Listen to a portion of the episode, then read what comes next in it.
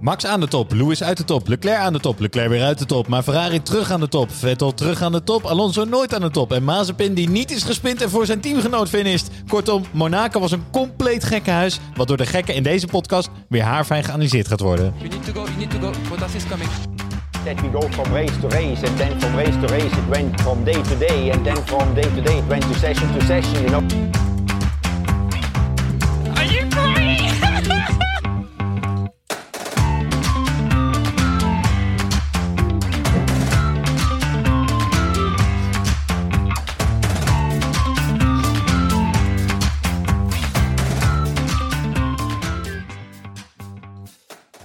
Man, man, man, ik ben nog bij het adem van die intro.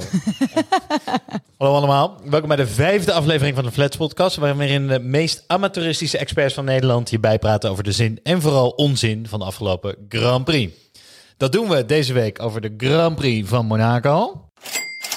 Ja, toch. Hartstikke idee. Eh, mijn naam is Bram. Ik zit hier wederom samen met Pien. En vorige keer was Peter bij ons aangeschoven, maar erg leuk. Vandaag zijn wij bij Peter thuis in Rotterdam aangeschoven. Welkom jongens. En nog leuker is dat Peter zelf ook weer is aangeschoven. Dat zou toch wel handig zijn? Ja, toch? Nee, want we hebben honderden luisteraars gehad afgelopen... dat, is, dat is eigenlijk geen grap, maak een hoop grap. We hebben echt honderden luisteraars gehad op de afgelopen aflevering. Dus waanzinnig leuk. Eh, ik weet niet waar ze allemaal vandaan komen. maar Pien, ehm, jij kreeg roem, hulde en je hebt zelfs een huwelijksaanzoek gekregen. Ja, Is de roem al naar je hoofd gestegen? ongelooflijk. Maar ja, we zitten nog niet in Monaco op dit moment. Dus er is nog wel, er is nog veel te verbeteren. Ja, want eh, misschien moeten we weer expliciet met onze luisteraars delen. Wat het doel is van ons met deze podcast, is om... Nou ja, uiteindelijk willen we wel gewoon de paddock in, weet je wel? We willen paddockpassen krijgen, gesponsord. Ja, en dus, dan houden we op. Nou ja, dan, Ja, dan dan, gaan we dan, door. kijken we nog wel even Nou, verder. kijk, nou, dus als we nou zeggen dat we ophouden daarna, dan is dus iedereen die het heel leuk vindt, kan ons dus helpen aan die paddockpassen. En als je het nou echt niet leuk vindt, dan kan je ons ook heel snel aan die paddockpassen helpen, want dan ben je er maar gewoon snel vanaf. Ze noemen het ook wel een win-win scenario. Peter, wij zijn bijna geroemd door onze fans om ons fenomenale radiohoofd.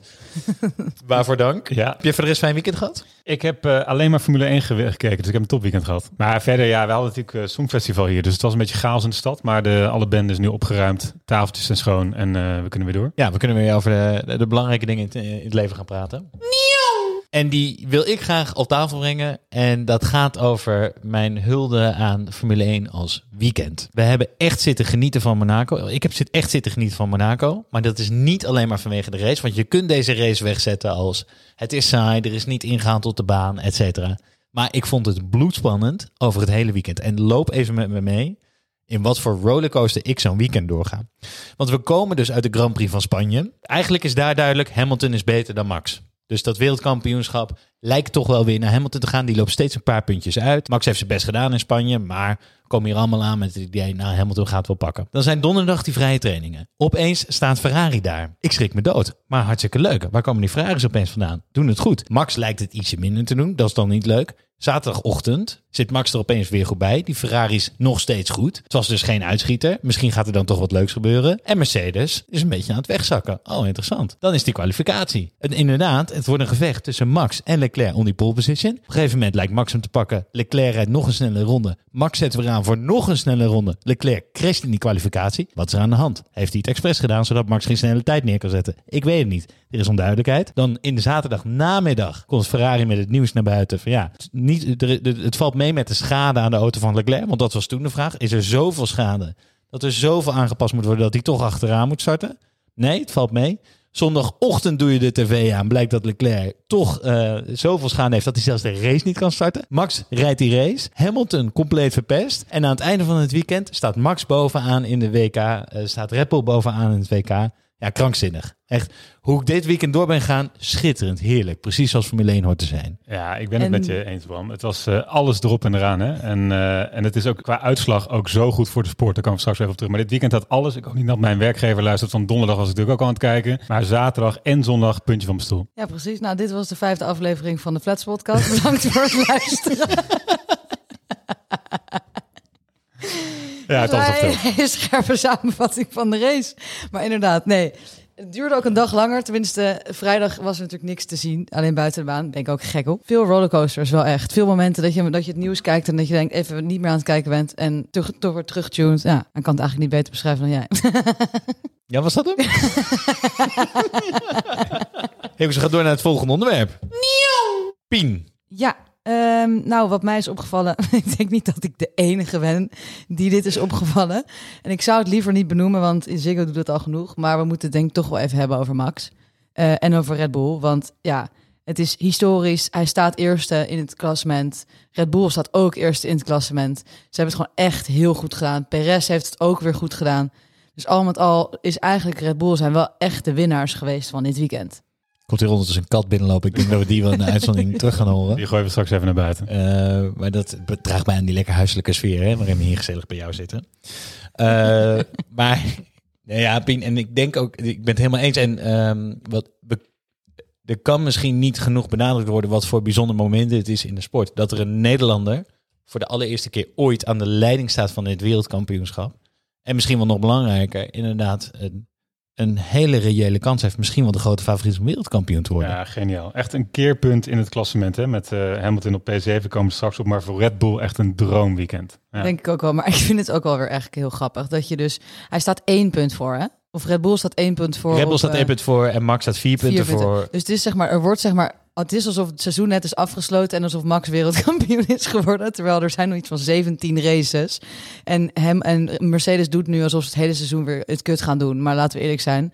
Volgende week, oké, dan geef ik Red Bull nog het voordeel van de twijfel. Maar daarna walsen ze er waarschijnlijk weer over. Ik weet niet. Ik durf het gewoon niet echt te geloven. jij, voelt, jij, jij voelt je nog niet gerust onder, zeg maar. Nee, ik voel Jij me durft hem nog niet. te- onder. nou ja, maar eh, eh, ik denk A niet dat ze eroverheen gaan walsen. Eh, daar was zelfs in Spanje geen sprake van, ondanks dat ze daar wel beter waren. Maar B is er. ehm, Monaco is voor die gasten een heel speciale eh, overwinning. Zeg maar, je hebt Grand Prix winnaars en je hebt coureurs die Monaco hebben gewonnen. En Max is nu dus, en dat zij hoorden ook over de radio hè, tegen Max. You're a Mo- Monacan, Monacian, whatever. Monacian? Ja, maar dit, dit, You are a Grand Prix winner? Ja, zoiets zei hij. Hè? Dus, nee, maar hij benoemde dat. Dat is een ding in die wereld. Ja, en dit- het, is, het is aan alle kanten was het echt een legendarische dag voor Max. Zeker. Max blijft er koeltjes onder, maar dit is echt een kroon op zijn carrière. Als je Monaco wint, dan, dan hoor je er echt wel een beetje bij. En wat ik daarnaast mooi vond, Perez vierde. Hè? Dat is toch wel, eh had een moeilijke week privé. Mhm. Volgens mij wat eh problemen met zijn eh, familie eh, die overvallen was. Maar wordt wel gewoon vierde. En eindelijk eh, zit hij dichter op Max. Eh, als tweede coureur hebben we toch wel een beetje ons zorgen gemaakt over onze Mexicaanse vriend. Maar hij zit er nu gewoon dicht op. Ja, en wat ik lekker vind, hij is kritisch op zichzelf. Nog steeds. Ja. Het is niet zoals Albon die daar dan weer een beetje van, nou, ik heb wel een beetje een leuk gevecht gehad. Nee, hij staat daar en hij zegt, nee, eh, dit ging goed, maar ik moet die zaterdagen echt verbeteren. Ik zit te ver van Max, ik leer niet snel genoeg in de weekend. En dat is lekker. Dan denk ik, ja, weet je, we hebben ook een beetje die, die pit nodig. Ja, dat denk ik ook. Maar denk je dat hij het nu eindelijk gevonden, dat hij het nu weer op gaat pakken hierna? Hij is er nog niet helemaal, denk ik. Hij heeft wel wat geluk gehad. eh, geluk, het team effort, goede strategie, waardoor hij voorbij eh, onder andere Hamil- Hamilton komt. Ehm, maar hij moet het in de kwalificatie moeten nog wel echt, dat zegt hij ook zelf, de zaterdagen moeten beter bij Perez. En dan kan hij er wel staan. Nou, als hij eenmaal goed gepositioneerd staat op zondag start, dan heb ik alle vertrouwen dat hij wel eh, de wagens achter zich houdt. Maar hij moet op zaterdag stappen maken en dan, dan gaan we meer van hem zien. Het zou zomaar het seizoen kunnen zijn waarin we de allereerste Nederlandse wereldkampioen ooit krijgen. Ja, is toch waanzinnig. Ja, moeten we volgende, volgende keer podcast even bedenken wat we dan gaan doen. Misschien Eh, moeten we een erop inzetten. leggen of inderdaad eh denk dat we een welke consequentie eh, verbinden we daaraan. Oh, dat vind ik leuk. Kunnen we kijkers laten inzenden? Ja, kunnen we kijkers laten inzetten, ja. Kijkers. Luisteraars ook. Eh, alles tegelijk. En dan, eh, ja, nou, ik ben heel benieuwd waar mensen mee komen. Wij gaan denk ik door naar het volgende rubriekje. Inderdaad. Eh, en we gaan meteen eventjes naar buiten de baan.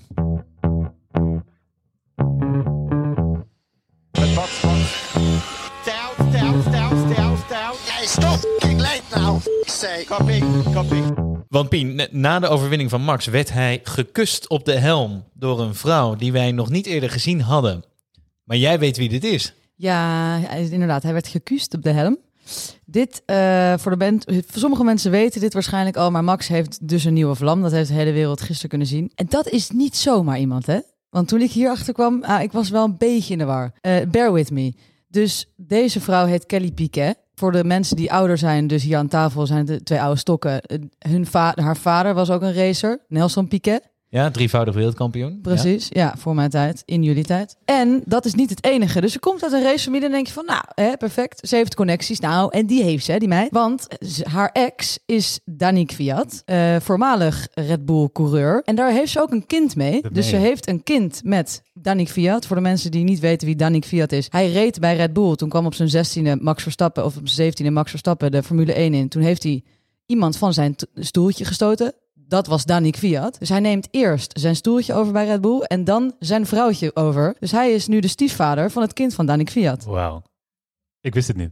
Het is, eh, ze houdt van racers. Daar, daar komt het denk ik op. En succesvolle racers ook nog. Dankjewel, Piet. We gaan door naar het volgende punt. Peet. Ja, we gaan door naar Mercedes. Want jongens, het was niet het weekend van Mercedes. Eh understatement van de week. We zagen het eigenlijk al tijdens de trainingen aankomen. Hè? Mercedes op 4, 5, 6, zelfs zevende plek. Wat was daar aan de hand? Zelfs niet alleen Red Bull, maar ook Ferrari op een gegeven moment voor zich. Nou, dat leidde tot niet heel veel betere prestaties op zaterdag. Bottas kwalificeert P3, Hamilton P7. En dan denk je, dit was het wel. Ehm gifbeker is leeg, maar niets is minder waar. Zondag, waar mogelijk nog een ergere dag voor eh, Mercedes. Allereerst Hamilton, pitstrategie die niet helemaal lekker loopt, houdt Gasly voor zich. Maar Vettel en Perez passeren hem later tijdens hun pit. Echt, het had eh, alsof het niet erger kon. Bottas valt uit tijdens zijn pitstop. Waar een Mercedes-monteur niet alleen zijn rechter voorwiel, maar zijn hele weekend naar de Mallemoeren draait. en het restant van de Mercedes race, die kennen we. Hamilton blijft op P7, vreet zich volledig op achter het stuur. En dat levert de volgende boordradio op. How am I still behind him, man? Come on. What is this happening, guys? I just lost two places. Oh, I don't understand, guys. I saved the tyres to go longer. You maybe stop before everyone. Lewis were under threat of losing position to Perez as well. Sorry about that. Perez. Yeah, he's yet to stop, currently doing 14.6. Any lessons you can learn from today to use in the future? For me personally, no. You and the team? the team for sure. Ongelooflijk Echt. zeg. Zo'n zieke burn gewoon. er schiet hier een barst in het scherm van de frustratie die hieruit knalt. Hebben we hem ooit zo zuur gehoord? We hebben het wel vaker over Lewis teamradio, eh, boordradio gehad. Maar is hij ooit zo zuur geweest? Nou, ik denk dus dat, wat jij zei vorige week toch, van het rommelt binnen Mercedes. Ik denk dus dat dit echt een, een, een bewijs is dat het echt rommelt binnen Mercedes. Want normaal is hij altijd heel zagrijnig. En dan tijdens de wedstrijd en dan zeikt hij, hè. Dat hebben we ook al eerder besproken. Maar dit is echt heel grof. Want hij zegt eigenlijk gewoon, ik ben de beste en ik hoef niks te leren. Mijn team heeft het echt ziek verneukt. Ja, hij valt zijn team volledig af. Ja, Terwijl hij volgens mij, want er wordt dan een baalweekend genoemd. Maar volgens mij is het gewoon één grote fout van hem dit weekend. Want Bottas rijdt gewoon keurig zijn rondjes. Stond in principe derde. Ja, Ja, maar valt uit door iets waar hij niet, niet echt wat aan kon doen. Ja, Ja, maar, maar vind je dat Hamilton zijn fout? Want eh, zijn auto was misschien gewoon niet goed genoeg, hè? Bottas zijn auto was wel... En ze rijden in dezelfde auto. Ja, dat is waar. ja maar zoals iets een heel ingewikkeld verhaal met iets van hoe de manier waarop ze de banden hebben opgewarmd. Dat kan schijnbaar op 6 miljard verschillende manieren weer. Dus er was wel iets iets fout volgens mij. Maar wat ik dus gewoon. Ik vind dus eigenlijk wel leuk dat hij eindelijk niet meer zo politiek correct is. Ja, maar hebben ze nu dan... weet je dus eindelijk pas echt hoe hij zich voelt. Ja, maar, hebben we, maar heeft hij dan en donderdag en zaterdag en zondag zijn banden verkeerd opgewarmd? Dat geloof ik niet. Nee, ja, weet je, dat weet Ik denk dat we gewoon een keertje hardop zeggen. Hij maakt gewoon een grove fout dit weekend. En, en dit is echt de fout die je misschien wel het wereldkampioenschap gaat kosten. Ja, ik denk dus dat, dat de fout wel echt ook wel, wel bij het team ligt. Hoor. Dat die auto gewoon niet goed genoeg was. Oké, Bottas reed sneller. Maar ook Hamilton heeft gewoon inspraak over de balans en zijn instellingen van zijn auto. En het was niet goed genoeg. Maar wat de theorie nu zou kunnen zijn, hè, eh, is dat de druk van Max, en dat is een theorie die hoort, waarschijnlijk erg populaire theorie in Nederland, hem toch wat te groot wordt. En die dus nog zuurder op zijn eh, boordradio is, nog harder zijn team afvalt. En dat is wel interessant om nu te blijven volgen. Ja, Want de stemming is niet top. nee, is niet top. En ik vind dus dat Bottas nog best goed omging. Want laten we heel even eerlijk zijn, hè. Bottas is een soort van het tweeling, de deel van de tweeling dat zeg maar net te weinig zuurstof heeft gekregen bij de geboorte, snap je? zeg maar, als er iets mee gebeurt, dat is Als er gewoon iets mee gebeurt, is het altijd bij Bottas, hè? Zeg maar pitstops, ja, hoeveel, dit is de derde keer in een jaar, hè? Dat gewoon zijn Ja, pitstop zo bot wordt verneukt. Het is echt heel zielig. Ik vind, ik vind het echt heel zielig voor Bottas. Hij denkt, ik heb, ik heb nog nooit een pitstop eh, als reden gezien dat iemand een race niet af kon maken. En het schijnt dus de langste pitstop ooit te zijn, want die band is er nog steeds niet af. Dat wiel zit nog steeds vandaag, ik las het vanochtend, dat wiel zit nog steeds op die auto. Dus die pitstop duurt al. Echt bizar, hè? Ik heb nog nooit zoiets gezien. Een pitstop van twee dagen. Ja. Ja, ik weet ik, heb, ik, heb, ik vind het moeilijk om empathie te voelen voor Bottas. En dat komt omdat hij altijd zo'n grote welval heeft dat hij dit jaar wereldkampioen gaat worden. Dan denk ik, als hij, dat, als hij dat nou eens een keer kwijtraakt en gewoon zegt, ja, nou ja, weet je, ik ben gewoon niet zo snel als Hamilton, maar ik doe mijn best, dan vind ik hem leuk. Ja, nee, dat klopt ook wel. Hij zei bij kwalificatie zei hij ook weer, oh ja, ik had echt pol kunnen pakken. En dan dacht ik echt zo, aha, nee. Nee, en eh, dat, ik vond dat trouwens een topanalyse van Robert Doornbos in die uitzending. Ja. Waarin iedereen claimde dat ze de pole position konden pakken. Ja. En alleen Max was gewoon overduidelijk bezig om daadwerkelijk de pole te pakken. Dus nee, ik heb geen empathie voor die Bottas. Weg ermee. Nou, hopelijk is dat ook zo volgend jaar. Misschien ga ik een petitie starten. Weg ermee. Wat Mercedes dus wel heeft gewonnen deze race is weer een cementbak aan sandbagging material, zeg maar. Want ze kunnen dus gewoon weer een paar weken vooruit op het feit dat ze het hier slecht hebben gedaan. Om dus maar die underdog positie in te gaan nemen. Dat klopt. En ik was ook even bang dat dat donderdag ook gewoon weer allemaal tactiek was. Ja, ja, ja. Gewoon slecht in de eerste twee trainingen en daarna weer vol de bak eh, eh, alles winnen. Maar dat bleek dus niet zo te zijn. Dus misschien komt er ook wat. Dus het zou reden voer kunnen zijn voor dat. Of eh, extra onzekerheid in het team. Ja, er, zijn wel echt, er zijn wel echt problemen, denk ik, in dat Ja, team. maar luister, Red Bull die willen toch ook, die voelen zich toch gewoon lekker in die rol van eerste. Max die heeft die vriendin, heeft dat stoeltje gejat van die Kwiat, die heeft die vriendin gejat van die Kwiat. Ja, maar dat doe je allemaal vanuit de underdog positie. Teambaas Horner heeft, is met een Spice Girl getrouwd. Ja, ja, Weet je, die, die gasten willen toch gewoon op één staan. Die, die, dat zijn gewoon de apen van de, de, de, de zwaarste apen van de apenrot. Die vinden, ze, die vinden het lekker, joh. Dus laat ze maar, laat eh, Mercedes maar lekker in die underdog-rol kruipen. Ik vind dat Max weer eh, als een ijskonijn hier de peste woord staat. Voor het feit. der Unterdog. Dan gaan we, gaan we door naar het volgende rubriekje. De lekenvraag van de week.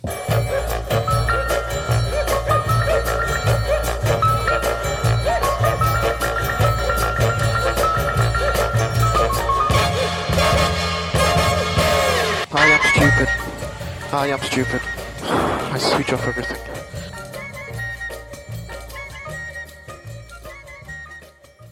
Tijd voor de lekenvraag. Ja, want we hebben dus luisteraars tegenwoordig. eh, en die hebben weer een vraag ingestuurd.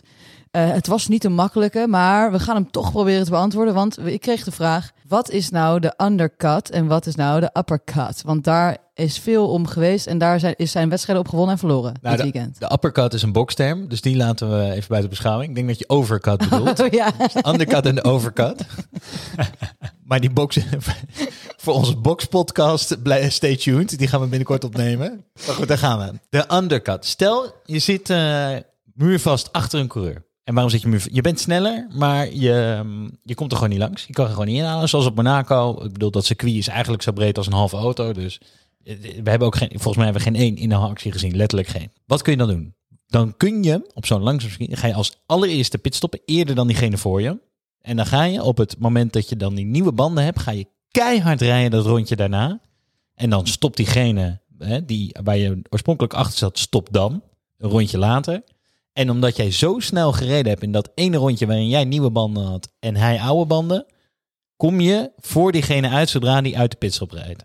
Pitstraat. Dat is de undercut. Dan de overcut. De undercut wordt eigenlijk het meest gebruikt. Eh, en op, op vrijwel, vrijwel ieder circuit is de undercut gewoon een krachtig strategische tool om er dus voorbij te komen. De overcut is het omgekeerde. Dus stel nou, je zit inderdaad klem achter iemand. En eh Perez had dat dus. Eh, die heeft overcut gedaan, de- deze Grand Prix. Je zit klem, er rijdt iemand voor je.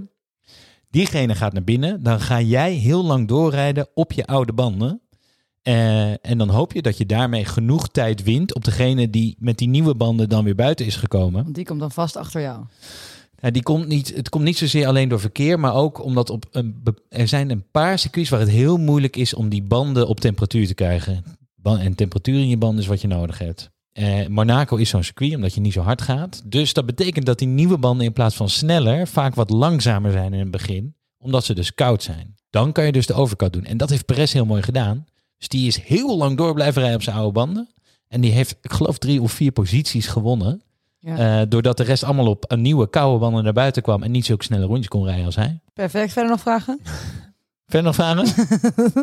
ja, het is. En misschien moeten we hier ook eens een, ehm, een aparte podcast aan gaan besteden. Formule 1 voor dummies. Dan kunnen we nog wat dieper ingaan op dit soort dingen en op banden. Ja. Laten we dat doen. Eh, maar voor nu hoop ik dat dit eh, onze luisteraar tevreden stelt. Oké, dan gaan we door naar P.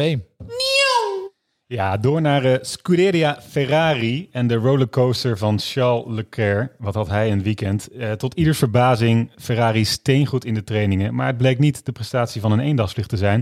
Want ook op zaterdagmiddag was Ferrari ontzettend goed. Leclerc, eh, Bram heeft het al even kort gezegd, Rijdt de snelste tijd in de kwalificatie, maar nog voordat de kwalificatie eindigt, zet hij zijn wagen in de vangrail. En vervolgens komt er een rollercoaster aan emoties. Start hij of start hij niet? Charles Leclerc, nog nooit een race uitgereden in zijn eh, thuisstad Monaco, mag uiteindelijk niet starten. Ferrari geeft aan toch iets te veel schade op eh, de auto. Gek genoeg niet bij de versnellingsbak, maar in een aandrijfas.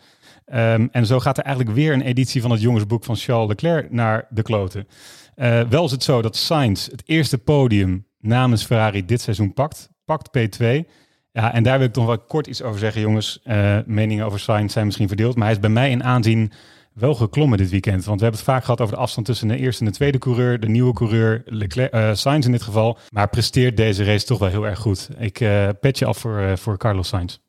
Je kan toch niet zeggen dat hij het beter heeft gedaan dan Charles Leclerc? Charles Leclerc is niet eens gestart. Nou ja, Leclerc rijdt, rijdt natuurlijk wel uiteindelijk zelf zijn auto in de praktijk. Ja, nee, oké, dat wel. En wat ik mooi vond aan Sainz, dat was eh, interviews na de kwalificatie.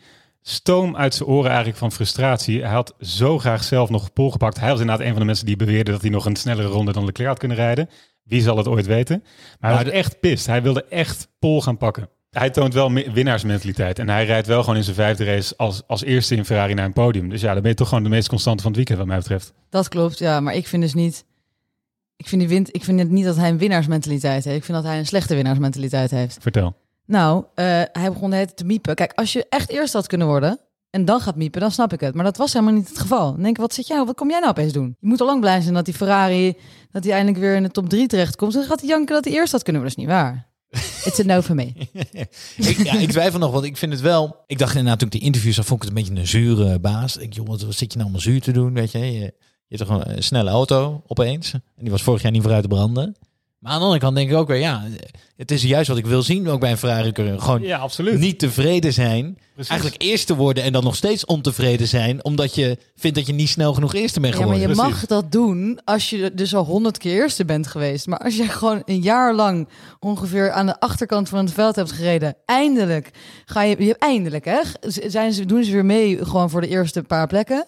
En opeens is hij niet tevreden, denk ik. Ja, hallo, koekoek. Ja, jongens, maar dit is wel een tweede coureur die dus gewoon geen genoegen neemt met die tweede plaats. Hij wil gewoon Leclerc verslaan. Hij wil eh, als de eerste man in zijn team worden. En dat vind ik mooi. Dat zie je bij heel veel andere teams niet. Daar heb je een, een Perez die gewoon eh, eh, genoegen neemt met die tweede rol. Sainz wil gewoon echt knallen. Die wil voorbij aan Leclerc. En ik vind dat mooi. Ik, eh, ik waardeer dat. Ik wil nog even terug naar wat je zei over Leclerc, want dat is inderdaad wel waar. Want er hangt nu een beetje een sfeertje rondom Leclerc, alsof het eh, alsof die zielig is. Weet je, het is sneu voor hem. Het is natuurlijk een monegask, dus al die gasten wonen wel in Monaco, maar hij is de enige die er ook, dat, hij is een van de tien mensen die daar daadwerkelijk geboren is. In totaal bedoel ik dan. Ja. Ehm, dus dat is, en hij is daar geloof ik nooit gefinished. Eh, weet je, hij heeft altijd pech. Ook, ook in Formule 2 niet, hè? Gewoon nooit Hij gefinished. is nog nooit Bizar. gefinished. Nooit gefinished, altijd Nee. pech. Maar dan denk ik, ja, maar dit was geen pech. Dit is gewoon je eigen stomme schuld. Je had gewoon een poltijd. Mijn Maar punt. en, en, dus, en, eh, en dus Ferrari's fout ook, hè? Want ze hebben dus na die crash. Eh, ik zag ook op een gegeven moment ook op meme op internet dat je dus, weet je hoe ze mensen dus checken als ze festivals hebben? Zeg maar van, oh, even kijken of je iets bij je hebt en dan ongeveer niet eens aanraken. Dat hebben ze dus een beetje gedaan bij die auto. Ja, een stukje duct tape oh, hier even en kijken, daar. Is er iets kapot? Mm, nee, vast niet. Oké, doei. En toen hebben ze dus die auto weer Zo drie keer gaan. tegen die band aanschoppen. Nou, klinkt goed, weet je wel. Zal wel goed zijn. Ja, het was Dus ze inderdaad hadden wel- dit probleem dus echt wel kunnen zien. Maar ze dachten Ja. gewoon, ah, het zal wel goed zitten. Anders kan hij starten boeien. We kijken wel even hoe het loopt. En ja, dus dan kan hij uiteindelijk niet starten. Dus het Ja, is niet alleen was- zijn fout. Het was inderdaad een vreemd verhaal. Ferrari leek niet toe te willen geven dat die auto niet kon starten. Zaterdagavond nog getweet van hè, alles ziet er goed uit. Versnellingsbak Ja, hij, hij heeft er ook wel mee gereden. Dus ik Ja. vind het eigenlijk net zoveel Ferrari's fout als eh, Leclerc's fout. Maar Ferrari terug. Ferrari is terug en dat is toch wel geniaal. Echt goed voor de sport. En eh, ja, kijk, de Nederlandse eh, Formule 1 liefhebber had dat al even door op donderdag, zaterdag. Maar als die gasten inderdaad tussen Max en, eh, en Mercedes kunnen staan bij tijd en wijle, ja, dan hebben we gewoon nog meer competitie. Dus ja, geniaal dat ze terug zijn voor nu. En er waren dus best wel wat eh, conspiracy theories. Want daar hebben we volgens mij ook een fragmentje van meegenomen. Omdat dus Leclerc in de eh, kwalificatie gecrashed oh, was. ja, zou ik bijna vergeten. Ja, nee, ja, inderdaad. Dus, eh, ja. dus de Sainz, de slechte verliezer, ik weet niet of die er ook tussen staat. Maar we hebben in ieder geval Bottas, een race engineer. Die, eh, die dacht wel eventjes dat Ferrari dit niet helemaal per ongeluk had gedaan. Red flag, red flag. Keep the delta positive. So Leclerc crashed it conveniently, exit of 16. Oh man. zo Ja. ziek. Dan laat je je toch zo, kennen. Dan laat je je kennen hoor. Dat conveniently erin. Maar dit is een typisch voorbeeld van de eerste reactie. Wij dachten dit ook als eerste reactie van, oh, dit, dit Dat komt, komt, wel goed uit. dat, dat, komt- het is eerder gebeurd in Monaco. Dat mensen een snelste tijd hadden en daarna doen alsof er wat is. Ja. Zodat er afgevlagd wordt en niemand meer een snelle tijd neer Ja, Schumacher heeft het toch ook wel eens gedaan. Ja, de, Ja, Michael, Michael Schumacher. Ja, die, Schumacher ook, ja, die is ook voor bestraft. Maar Schumacher die zet hem gewoon stil op de baan en die zei, eh, ja, zo meer. mooi. Dus je denkt er meteen aan, maar vuil is hij. het was wel duidelijk. Het was wel echt meteen duidelijk. Die auto lag echt compleet in de kreukels. Ja, en Leclerc die zei ook van, als ik het expres had gehad, had ik hem echt wel iets zachter gecrashed, zeg maar. En toen dacht ik ook wel, ja, oké, ja, het wacht een punt. Maar goed, vond ik dus wel weer leuk in het hele Formule 1 circus. Dat dus wel heel eventjes daar dan weer die onduidelijkheid over is. Hè? Max pakt die pol niet. En dan weer, oh, is dit expres gedaan? Weet je? En daar even een kwartiertje over praten. Weet je wat? En dat is zo leuk. Dat is gewoon, dat is geniet. Daarvoor kijk je. Dus genieten. Ja, we gaan verder. We gaan verder. Oké, ehm, dus het volgende punt eh, dat mij is opgevallen is McLaren. Want eh, in mijn optiek... Sorry, ik moest even een boertje laten. Deze houden erin. nee. We hebben er een biertje bij gepakt, dames en heren. En eh, dat is wel Het snel wat te veel voor Pien. hartstikke Pien, zwaar. Ga verder over McLaren. McLaren, het is voor mij eigenlijk duidelijk. De rolverdeling binnen McLaren is namelijk als volgt. Norris is gewoon de, de, de kopman geworden en Ricciardo bungelt eigenlijk erachteraan. En Ricciardo is met heel veel centen en bombari binnengehaald bij McLaren. En Norris was eigenlijk altijd het jonge rookie veentje die, die een beetje leuk mee kon komen. Maar dat is gewoon helemaal geshift. Ricciardo die is twe- twaalfde gekwalificeerd, twaalfde geëindigd. Komt gewoon niet vooruit. Norris die, die staat P3 in het kampioenschap. Die heeft, een, die heeft een, een deal weer gesloten met McLaren voor een aantal jaar. Ze gaan alle energie denk ik op hem inzetten. En Ricciardo, het, ik denk echt dat Ricciardo zijn tijd misschien wel geweest is. Ik, ik, ik ben nog niet zo ver. Hij, hij is weliswaar echt heel teleurstellend P12 geworden. Ik voel echt met hem mee. Ik bedoel, het is een oud Monaco-winnaar waar we het over hebben. Maar ik denk niet dat de dagen van Ricardo per se geteld zijn. Ik denk wel dat het echt heel slecht gaat. eh, en dat het best wel veel tijd kost voor hem aan, om aan die McLaren te winnen. Maar ik eh, wil hem nog niet afschrijven. Maar het is wel, zeg maar, het is niet alleen deze race. Dus deze race werd me wel echt duidelijk. Ook zeker omdat nadat Norris dus dat contract had getekend. Maar het hele jaar komt hij gewoon niet verder dan P7, P8. Daar bungelt hij een beetje rond. En nu zelfs P12. Ja, maar goed, als je, hem, als je hem vergelijkt met de andere nieuwe coureurs in de teams. Hè, we hebben net wel de loftrompet eh, gestoken over, over, over. Maar die kwalificeert ook gewoon P7, P8. Ehm, dus ik eh, geef hem nog even de tijd, zou ik zeggen. Ja, ik vind het wel ik vind het lastig. Want we hebben dus ook vorige aflevering over Perez, over hoe enorm slecht hij is. En nu wordt hij vierde, zijn we heel positief. We hebben over Vettel gezegd, notabene, eh, eerste race van maakt hij het seizoen wel af. Dus je ziet wisselvalligheid in die In onze meningen. In onze meningen, ja precies. Eh, geeft ook een beetje aan hoeveel van deze sport te begrijpen. Maar ik, het, in- wat ik wel vind en waar ik wat zinnigs over kan zeggen, over, is over hoe leuk die vent is. En hoe eerlijk hij ook in die interviews is. En als Rick Winkelman, Winkelman hem een vraag stelt, eh, dat hij ook echt heel eerlijk antwoord geeft over dat hij niet goed genoeg is. Dat hij ook zegt, nou het, het rare is, ik heb dus wel een goed gevoel dit weekend en ik lig gewoon een seconde achter op Norris. En ik snap het niet waarom. En dat, dat vind ik wel lekker om te horen. Ja. Dus dan denk ik, nou als jij het dan niet begrijpt, oké, dan hoef ik het ook niet te begrijpen. Nou ja, dus fijn dat het ons geruststelt. Maar gaat alsnog wel gewoon best wel langzaam. Wel vette kleuren, die McLaren auto. Dat moet ik er even bij zeggen. Het was even een speciale editie. Daar Ik kan vond het Ja, vet. de heel internet ging hier helemaal los op. Ja, golfkleuren, Want- oude sponsor, oliemaatschappij. Oranje-wit, maar blijkbaar is het een soort van blauw, dat witte. Dat was, het was blauw. Ik dacht Wordt dit ook zo'n de dress? Uh, nee, en, en maar Norris inderdaad, laat- weet je, Ricciardo, ik denk, ik ben met P eens eigenlijk, die gaat echt nog wel boven komen. Die heeft zoveel ervaring en ook nog wel gewoon talent.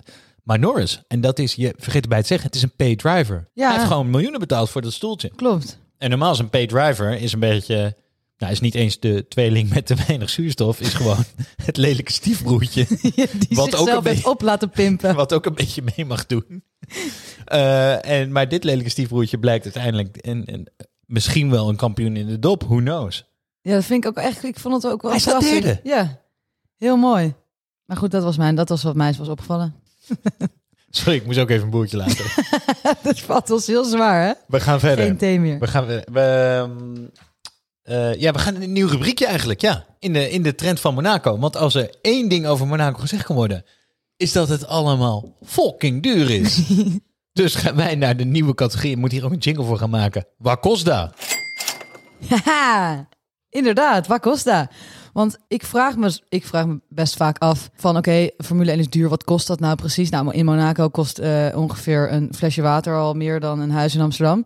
Maar eh, we zijn dus eventjes uit gaan zoeken wat voor gekkigheid de Monaco Grand Prix allemaal eh, met zich heeft meegebracht. En eh, dat begint eigenlijk met, nou, het begint met de crash van Schumacher. Hoeveel denken jullie dat die gekost heeft? Ik denk, ja, 2,5 ton. want eh, ik heb het niet helemaal gezien, moet ik eerlijk toegeven. Zijn vrije training is hij in de muur Ja, die, zat wel, eh, was dat wel aardig in elkaar. Ja, die zat niet goed, hè? Nee, die was ja, wel een beetje gevouwen. ben je een paar ton kwijt. Dit kost vijf ton. Vijf ton. Vijf ton. Dus dan heb je dus, dat vind ik gewoon, en dan heb je dus Kun je wel een leuke hier- badkamer van kopen in Amsterdam. Ja, daar kan je wel een leuke badkamer van kopen, ja. dat is heerlijk. Maar je moet gewoon, hier staat dan een lijstje. Ik zal het wel uploaden op de Instagram. hey, want we hebben een Instagram tegenwoordig. Heel goed. Dan krijg je dus een lijstje met de dingen die kapot zijn. En dat kost dan gewoon bij elkaar vijf ton. Dus als je denkt van, joh, ik ga eventjes links of rechts en ik rijd er maar even in. Hm, beduur grapje. Zeker met een team als Haas die geen cent te maken heeft. Maar eh, Monaco, of de crash van Schumacher is niet eigenlijk het enige wat zoveel geld heeft gekost. Want P, jij hebt eh, ook even uitgezocht hoe duur het was als je dus van een, een boot de race wil Ja, ik kijken, las toch? wat over eh, wat Hollanders die daar in de haven liggen. Als jij met acht man, eh, een eh, eh, acht man boot daar een plekje wil hebben in die haven, 55.000 euro. Ik denk dat je bemanningsleed, zeg maar, je crew is al acht man. Dus dan kan je eigenlijk zelf nog niet kijken. Ongelooflijk. Zou dat erin bij zitten. Ja, maar dat. En over Hollanders gesproken. Tom Holland was er ook. Eh, dus de celebrities. de- jullie weten misschien niet wie dat is. Nee. Spider-Man. Ja? Nou, die dus. De nieuwe... Spi- ja, dat is generatieklap. Jezus. Wie was er? Oké, eh, een oudere celebrity. Eenmaal allemaal. Serena Williams was er ook. Eh, de tennister, want die mocht de wedstrijd afvlaggen. Eh, vond ik persoonlijk echt pijnlijk om te zien. Want met een tennisracket kan ze wel wat. Maar met zo'n vlag weet ze echt geen raad. Dus Ze kon die vlag niet wapperen, hè? Het was echt Zij kreeg hem vreselijk niet gewapperd. Nee, het was echt... Max Verstappen denkt, hé, hey, wat doet die Williams hier? Die, die staan nooit op een podium. Snap je? Ja, en Serena, en Serena Williams die stond daar met een lamme arm. Want ik zag ook, al- die wilde al een paar keer stoppen met vlaggen. Maar zij moest haar natuurlijk uitleggen, ja, Haas komt er nog aan. Dat kan er wel twee ronden duren. ja, ja, Ja, precies. Nikita die- komt nog. En Ja. die is dus niet de haven ingereden. Nee. zoals we Drie allemaal minuten staan zwaaien. Nee, dus eh, complimenten aan eh, Serena dat ze op het juiste moment gevlacht ja, heeft. inderdaad. Jammer dat het er echt niet uit... kunnen we Vlagtechniek aanwerken. kunnen we aanwerken. Dat moeten ze dan voor volgend jaar weer meenemen. Wij geven het een en, zes. En het, we geven het een zes. Ja, een zesje wel. En dus de, eh, de- ik weet niet of jullie dat gezien hebben, de Louis Vuitton eh bekerkoffer. Hebben jullie dat? Nou, dat vind ik dus Ja, zo ongelooflijk. Dat is gewoon een, een soort van kast van Louis Vuitton. En dat hebben ze dan weer zo'n heel ding van gemaakt.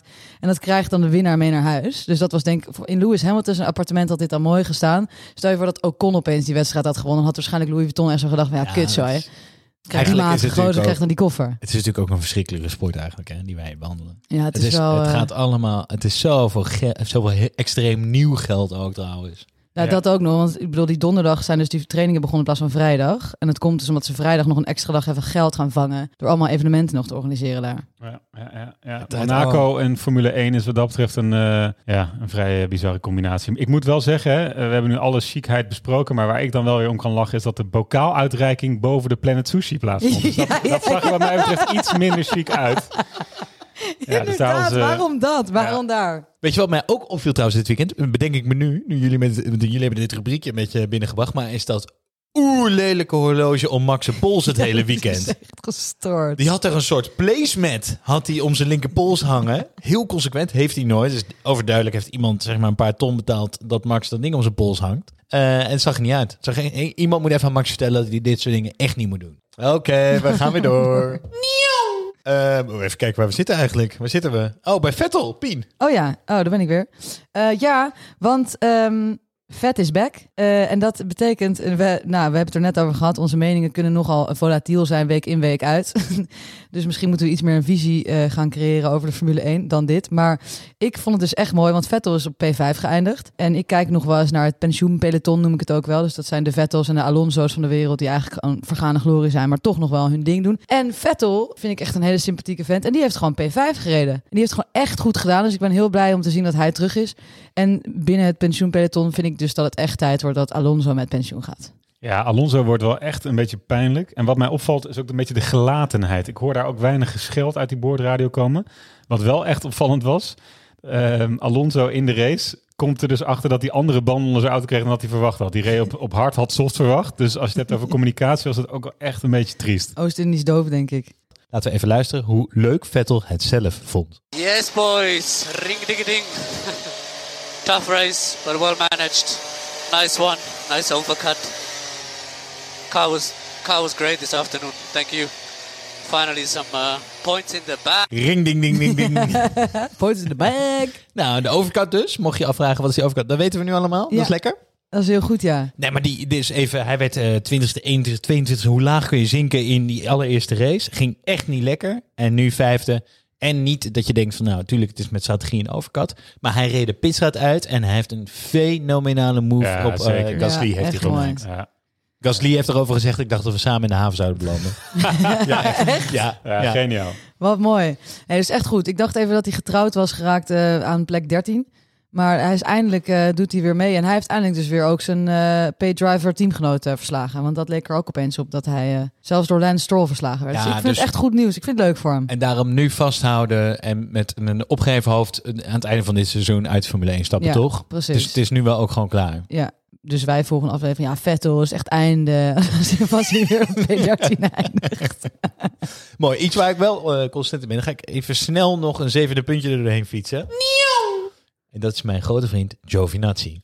Want Giovinazzi is de grootste grijze muis in de Formule 1, maar wel een hele snelle grijze muis. Eigenlijk een soort van, ik denk het, het grijze neefje van Speedy Gonzales. Ja. Want hij heeft het allereerste punt voor Alfa Romeo binnengehaald eh, dit seizoen. Kun je eens uitleggen aan de luisteraars waarom jij fan bent van Giovinazzi? Ik ben daar niet echt fan van, maar ik vind hem zo ondergewaardeerd. Ik vind het leuk en het is leuk om in de gaten te Ja, houden. het is leuk voor hem. Hij is inderdaad wel onderdeel van dat Ferrari talententeam volgens mij. Maar of hij er ooit Ja. komt is de vraag. Ja, hij is een Italiaan natuurlijk, dus dan zit je er Ja. al snel in. Ja. Ieder Hij heeft de Italiaan. naam ook wel mee. Ja, hè? Vraag me altijd nog steeds wel af hoe die knot ooit in die helm past. Maar dat is dan weer iets anders. Maar ehm, ja, hij wordt vaak met Jezus vergeleken, ook zoals hij erbij loopt. Ik geloof dat hij haar tot op zijn enkels heeft. ik, ik, fair enough. Ik vind Giovinazzi, ik vind het ook wel. Nou, we gaan snel door. want Ik vind het niet zo leuk dat je zo over hem praat. Nee. Speaking of consequentie wil ik graag tussendoor toch wel heel eventjes Mazepin even een kleine, kleine pluim Ja, geven. Want normaal, eh, ik zat al klaar om eh Mazepin eh, helemaal te gaan bashen. Hè. Een kleine tirade had ik weer klaar. Monaco, alle ramen en deuren werden afgeplakt en weet ik het wat. Want we dachten dat Mazepin wel in een van die huizen ging crashen. Maar het is dus gewoon niet gebeurd.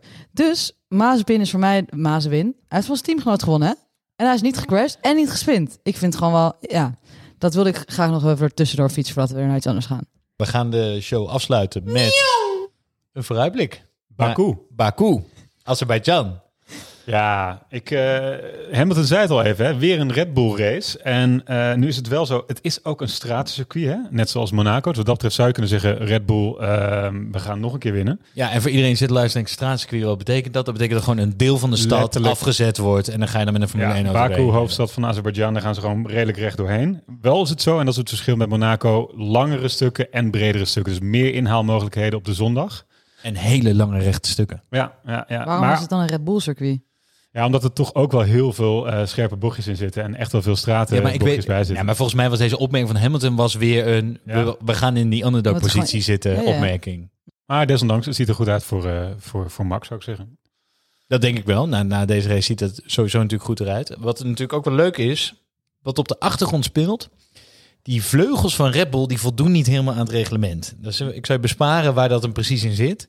Maar ze hebben van de FIA de tijd gekregen tot na Baku om dat te fixen. Ik dacht, Fran- oh, vanaf Frankrijk gaan ze het opnieuw checken dus. Ja, Ja. dan gaan ze het Ja. opnieuw checken. Dus Bull twee moet nu als een gekke nieuwe eh, achtervleugel. Maar die gaan daar dus best wel profijt nog van hebben op die lange rechte stukken van Baku. Dan En- nog wel. Mercedes is dus, eh, ja, de oorlog gaat ook naast de baan verder. Die is dus als een gek aan het zorgen dat Red Bull niet met die vleugel in, eh, in Baku mag gaan. Oké. Eh, Toevallig is het wel zo dat, eh dat geldt niet alleen voor Red Bull, hè. Vrij veel teams die, eh, die daarbij betrokken zijn bij dat trucje. Ja, dus ze hebben allemaal een trucje gevonden om onder die test uit te komen. Nou goed, ze krijgen allemaal de tijd. Ehm, en, en Mercedes heeft blijkbaar wel iets goed gedaan met die vleugel. Maar ze zijn enorm boos in ieder geval. Maar is dan in eh, Baku de kwalificatie net zo belangrijk als in Monaco? Nee, minder. Monaco? minder. Er zijn dus echt veel, er zijn echt wel wel significant inhalen. meer inhaalmogelijkheden in eh Baku. Baku. Maar de foutjes worden natuurlijk wel weer net zo hard afgestraft. Dat is wel leuk.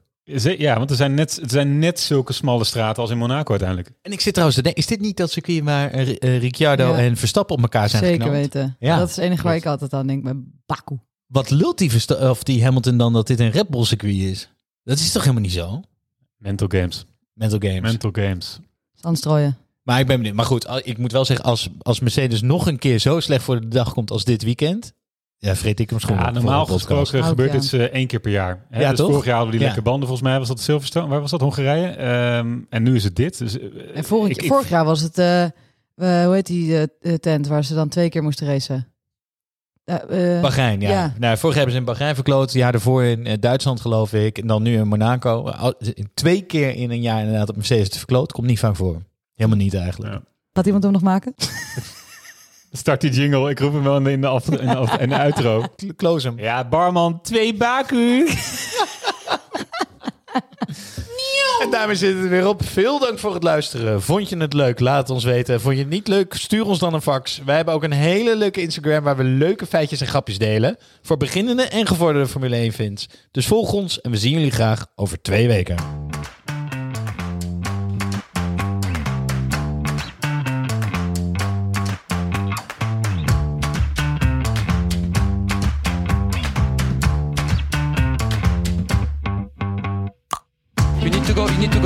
Is coming.